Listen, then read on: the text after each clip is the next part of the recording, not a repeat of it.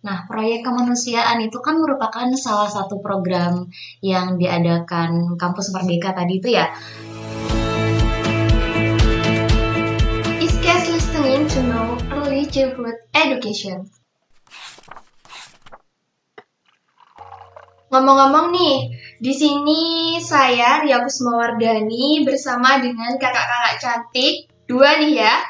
Oh ya, yang sebelah kanan saya ada Kak Lili dan di sebelah kiri saya ada Kak Ayu. Bagaimana nih Kak kabarnya hari ini? Alhamdulillah, baik. Alhamdulillah sudah baik. Iya, alhamdulillah juga baik.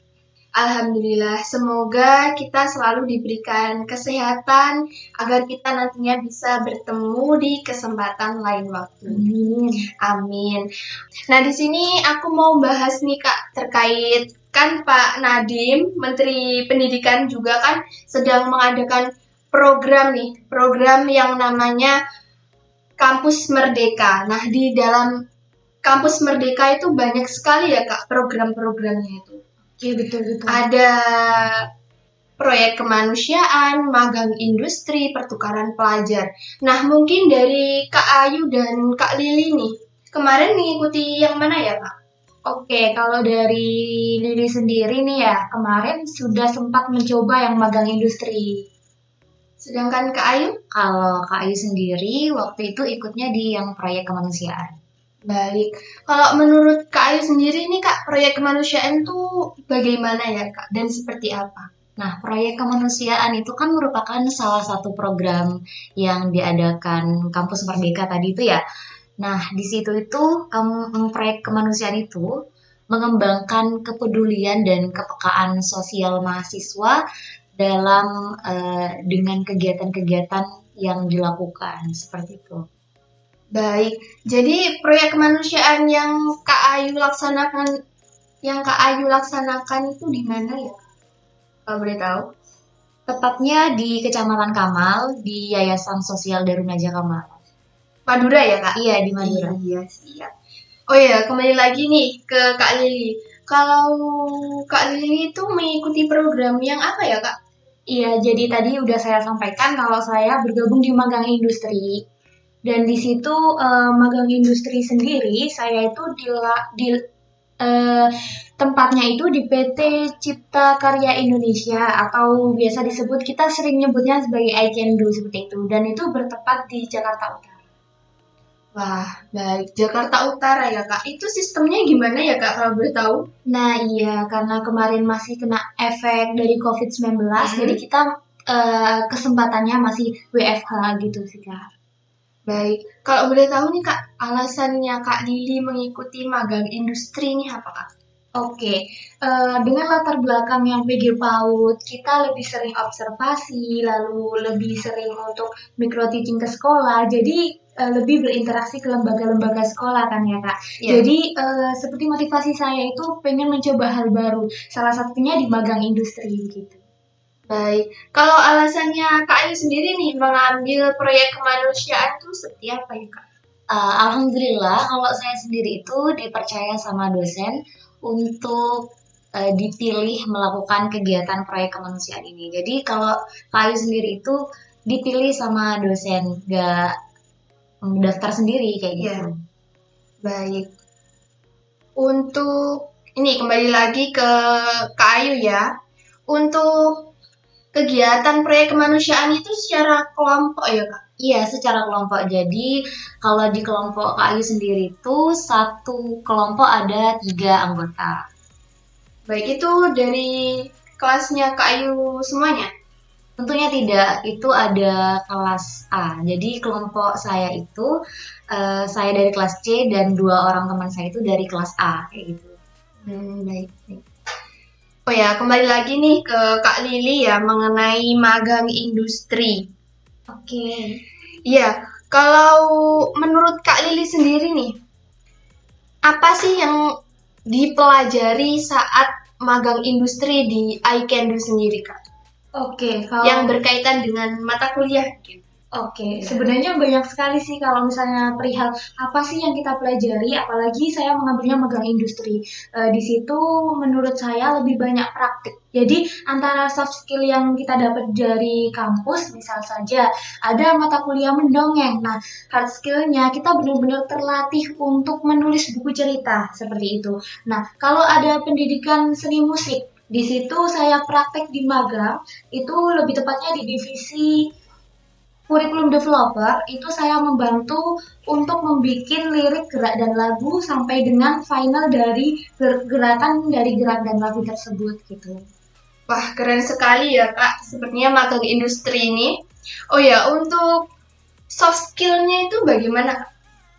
Iya, jadi seperti yang saya omongkan tadi, eh, sebenarnya banyak sekali hal-hal yang sudah dipelajari di kampus dan alhamdulillahnya di industri ini itu berhubungan dengan pendidikan anak usia dini. Tetapi kita lebih ke teknologi. Nah, dari teknologi itu pastinya tetap seperti pengembangan kurikulum. Nah, kemarin saya juga membantu untuk penyusunan RPPM, lalu juga kami membantu pemetaan dari eh, bentuk dari game atau game designer tersebut. Kita membuat storyboard gitu dan itu diturunkan dari kurikulum PAUD juga pastinya. Wah, jadi ilmu yang didapatkan saat kuliah itu sangat bermanfaat sekali saat terjun di lapangan lah, apa ya, kayak bekerja langsung gitu ya, Kak. iya betul kak Ria lebih ditambah eh, gimana sih mentalnya kalau di dunia kerja yang seperti itu Ya, baik. Keren sekali nih. Oh ya, kembali lagi ke Kak Ayu nih, mau tanya-tanya. Sebenarnya menurut Kak Ayu sendiri nih, em, hal menarik apa sih dari proyek kemanusiaan menurut Kak Ayu? Kalau menurut Kak Ayu sendiri, menariknya di proyek kemanusiaan itu kita memang benar-benar melakukan semuanya sendiri. Dari awal kita izin ke tempat yang ingin kita eh, tempat untuk melakukan proyek kemanusiaan itu, terus untuk kerja sama-sama pihak-pihak yang bersangkutan seperti puskesmas, PMI itu kita melakukan semuanya sendiri. Oh, baik. Jadi kerjasama dengan PMII, eh, PMI. PMI. Oke. Untuk kegiatannya itu seperti apa ya Kak kalau boleh tahu? Kalau kegiatan proyek kemanusiaan KAI sendiri itu karena lebih prefer ke minat baca anak, pastinya yang pertama pemberdayaan taman baca di yayasan, lalu juga ada pembiasaan PHBS anak dan eh, kegiatan-kegiatan yang mendukung. Seperti kalau pemberdayaan taman baca itu di dalamnya ada kegiatan donasi, open donasi, lalu eh, melabeli buku-buku yang ada di perpustakaan eh, yang ada di taman baca maksudnya. Lalu kita merenovasi taman baca melakukan dongeng bersama anak di sana cerita gambar berseri seperti itu. Untuk PHB sendiri adanya sosialisasi bersama pihak puskesmas eh, melakukan praktek sikat gigi bersama anak lalu ada juga pemeriksaan telinga dan sosialisasi kadar gizi bersama para orang tua Oh ya, seperti yang saya dengar nih Kak, tadi kan lebih kayak minat bacanya ya yang lebih ditonjolkan. Nah, itu kenapa ya Kak? Kalau boleh alasannya kenapa kok mengambil minat baca itu kegiatannya? Ya, karena sebelum kita menentukan eh, apa masalah yang kita ambil, kita survei dulu di Kecamatan Kamal itu eh, masalah yang terjadi itu apa. Nah, karena di Kamal itu tidak ada bencana alam, maka dari itu kita menemukan bencana sosial yaitu eh, kurangnya minat baca anak seperti itu. Maka dari itu kita mengambil Yayasan Sosial Darun Najah itu juga karena eh, di sana ada taman baca, cuman belum terrealisasikan dengan baik. Maka dari itu kita membantu untuk eh, taman baca itu tuh digunakan semestinya seperti itu. Ya, untuk bulan ini proyek kemanusiaannya sudah selesai ya Kak? Sudah selesai dari ya Januari ini sudah selesai, terakhir tanggal 5 kalau nggak salah. Ya, kalau boleh tahu hasilnya dari proyek kemanusiaan Kak Ayu dan teman-temannya itu gimana Kak? Alhamdulillah eh, kesan-pesan dari warga yayasan tuh juga baik sama kita. Mereka merasa terbantu adanya kita di sana yang sebelumnya belum ada pernah kegiatan donor darah di sana. Eh, itu ada karena kegiatan dari kita yang mengadakan. Lalu yang awalnya taman baca itu belum terrealisasikan dengan baik, em, anak-anak itu di sana sudah terbiasa mem- mem- mengunjungi taman baca selama 15 menit atau sampai 30 menit setiap hari. Iya. Jadi ada penge- apa ya perkembangan dari yang sebelumnya taman baca itu hanya dibuat main sama anak-anak, hanya dibuat tidur. Nah sekarang karena sudah banyak bukunya, mereka sering mampir ke taman baca. Jadi eh, proyek kemanusiaan ini sangat membantu di sekolah tersebut ya kak, Yayasan tersebut. yayasan tersebut. Oke, Em, saya mau tanya nih ke kakak-kakak yang di samping saya. Dari kegiatan yang kalian ikuti nih, manfaat dari masing-masing program yang kalian ikuti itu seperti apa? Mungkin dari Kak Lili dulu. Iya, manfaat Kak. Oke, eh, Pak, kalau misalnya kita ngebahas manfaat sih pastinya banyak sekali nih Kak Ria. Apalagi benar-benar magang industri ini beda dari eh, apa ya konteks dari anak pendidikan seperti itu.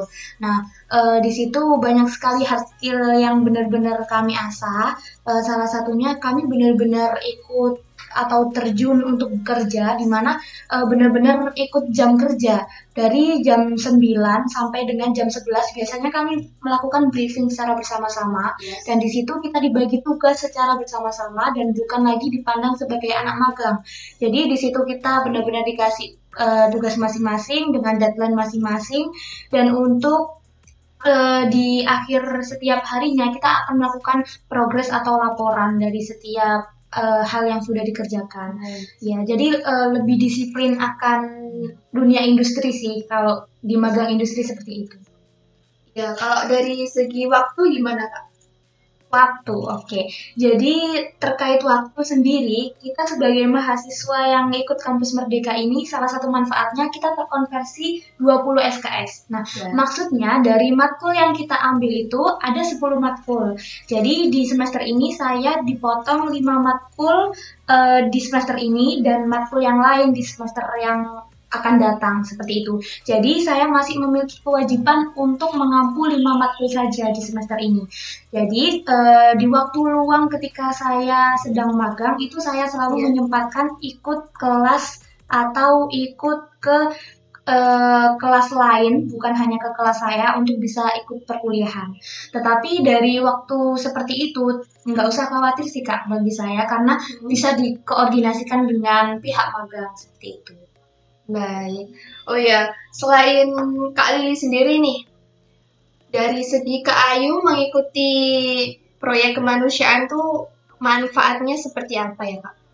Seperti yang Kak Lili bilang tadi, manfaatnya pasti banyak Ya. banget ya kan. Betul. Eh, salah satunya manfaatnya itu kita di proyek kemanusiaan tuh bisa menambah banyak relasi. Jadi di yang sebelumnya kita hanya kenal-kenal di golongan kampus aja, itu kita bisa kenal sama pihak yayasan, terus juga relasi juga kenal sama puskesmas, kenal sama orang-orang PNI juga.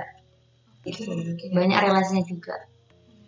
Iya, menarik sekali ya dari narasumber hari ini mengenai program yang diikuti dari Kak Lili dengan Kak Ayu sendiri. Mungkin itu kan tadi manfaatnya. Hmm. Mungkin nih dari hati kecil Kak Lili dan Kak Ayu mungkin adalah kendala ya, kendala saat mengikuti magang industri maupun proyek kemanusiaan mungkin sedikit boleh disampaikan Kak? Mungkin dari Kak Ayu dulu. Kalau kendala sih yang paling-paling kendala banget di proyek Iya. kemanusiaan yang saya kerjakan itu eh, di dana, di biaya Oh, iya. karena tidak ada bantuan dari prodi, jadi itu murni menggunakan uang mahasiswa sendiri. Wow. Apalagi kayak satu kelompok itu cuma tiga mahasiswa Iya. dari banyaknya kegiatan, ya itu menggunakan dana pribadi kami gitu. Iya, tapi nggak apa-apa ya kak. Yang penting kan pengalamannya Ya, juga dapat. Terus selain itu juga dapat relasi juga ya kak. Terus Ya. Bisa nambah silaturahmi, nambah keluarga juga bisa ya kak. Betul. Jadi betul bukan hanya uang itu bukan masalah ya. Oke, untuk kak Lili sendiri nih, menurut kak Lili apa kendalanya? Oke, kendalanya kalau di magang industri, apalagi secara online, itu sebenarnya Ya. cuma eh, jaringan begitu kak. Iya, iya. Bener Iya, sekali. Waktu briefing kita bareng-bareng sama karyawan yang lain, kita dibagi tugas. Kalau kita ada kendala jaringan, kayak kita itu ketinggalan gitu loh. Info tugas kita itu ngapain gitu.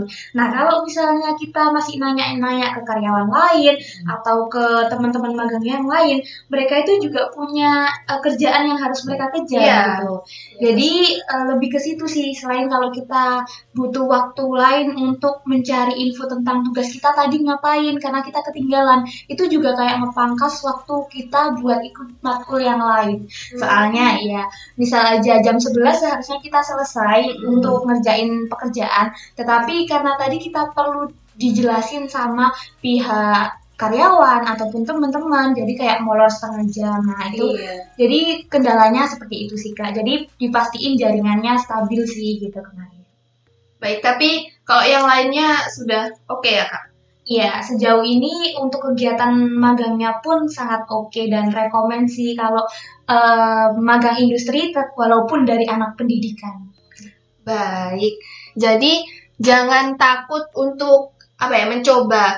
Seperti kan biasanya kan anak pendidikan tuh mau magang-magang apa ya gitu. Ini dari Kak Lili sendiri tuh mau mencoba nah di industri I can do ya Kak. Mungkin nanti dari adik-adiknya mau coba magang industri di tempatnya Kak Lili atau yang sudah disediakan oleh prodi nantinya.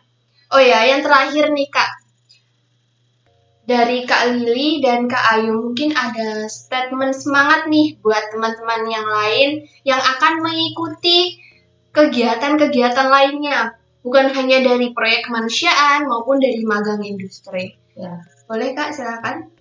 Em, buat adik-adik mahasiswa di luar sana, nggak usah ragu untuk mengikuti MBKM itu entah proyek kemanusiaan, magang, eh, pertukaran pelajar maupun yang lainnya. Jangan sia-siakan kesempatan kalian selagi kalian menjadi mahasiswa karena nanti setelah udah lulus kan nggak bisa mengikuti itu ya kak Iya, ya. benar, Jadi benar. jangan sia-siakan kesempatan itu dan juga em, jangan lupa niat awal dan tujuan awal kalian mengikuti program tersebut. Seperti itu sih. Semangat!